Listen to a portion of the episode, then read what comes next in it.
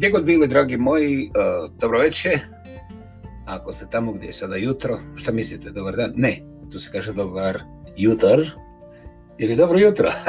good morning, good morning, whatever i tako dalje.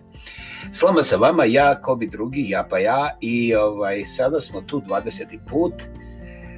Dugo vremena, gotovo cijeli život, čitam jednu knjigu koju sam valjda pročitao milijun puta i e, još uvijek je čitam i ono što je fascinantno da je ta knjiga bila uopće ne knjiga u početku, da je to bio nekakav skup eseja koje je u kasne noćne sate na nekadašnjem Beogradu 202 čitao sam autor poslije ponoći da popuni prostor valjda i ono što je on govorio tada, ja mislim da je to već bilo 66. godine, Kasnije je sublimirano u jednu knjigu pod naslovom Filozofija palanke.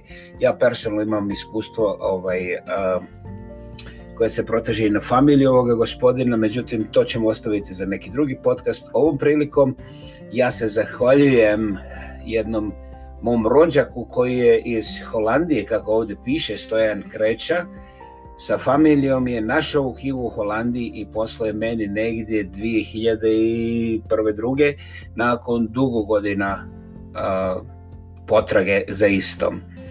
Ono što je u ovoj knjizi važno tehnički, da navedem, čitam sa same uvodne stranice, filozofija Palanke je prvi put objavljena u časopisu treći program broj 2 1969. godine, drugo posebno izdanje, treći program Beograd 1970. godine, a treće izdanje je biblioteka Sazvježđa, Sveska 74, Nolit Beograd 81. godine, to je moment kad sam ja ušao u igru i postao svjestan nove knjiga, a četvrto izdanje je Sazvježđa, Nolit 1991. godine, tada već više nisam imao doticaja, bio sam vani i boom, knjiga je reprintena kažu ovdje e, po otkrovenju, valjda nakladna kuća 2004. godine, a ja ću vam samo kratko pročitati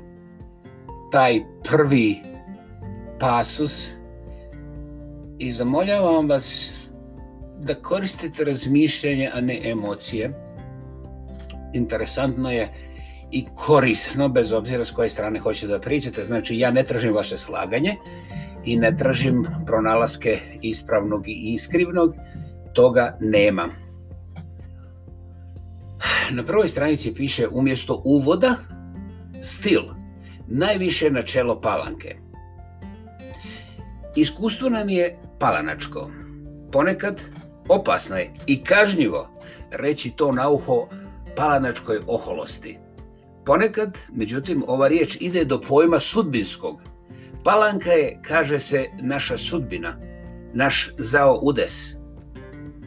Nema, niti može da bude promjene. Istorija nas je zaboravila kao u nekakvoj velikoj rasijanosti. Između sela i grada, ovako zaboravljen svijet Palanke, nije ni selo ni grad.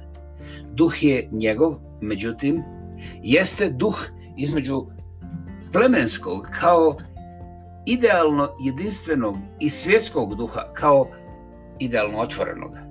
Kad ovaj duh ovako govori o svojoj zloj sudbini, on govori o svojoj izuzetosti iz istorije. Hmm. Ali i kada je oglašava za proklestvo, on hoće tu izuzetost.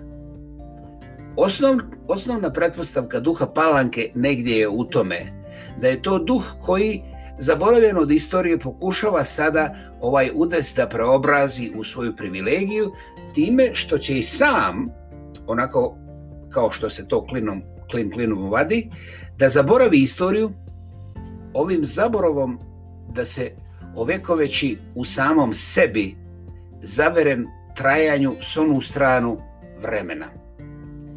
Vrijeme je s druge strane brda, tamo gdje počinje svjetski haos ili house apsolutno otvorenog svijeta. Završavam čitanje.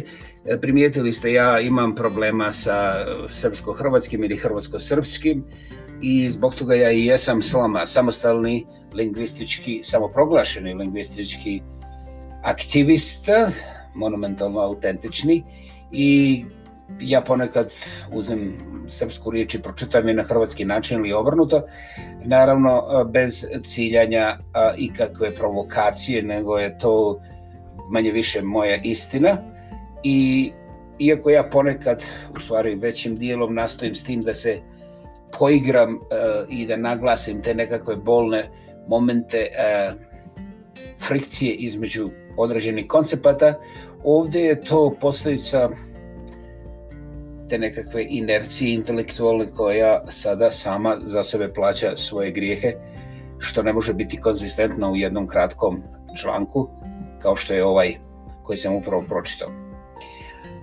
Ono što je ovdje najbitnije, riječ je malograđanština.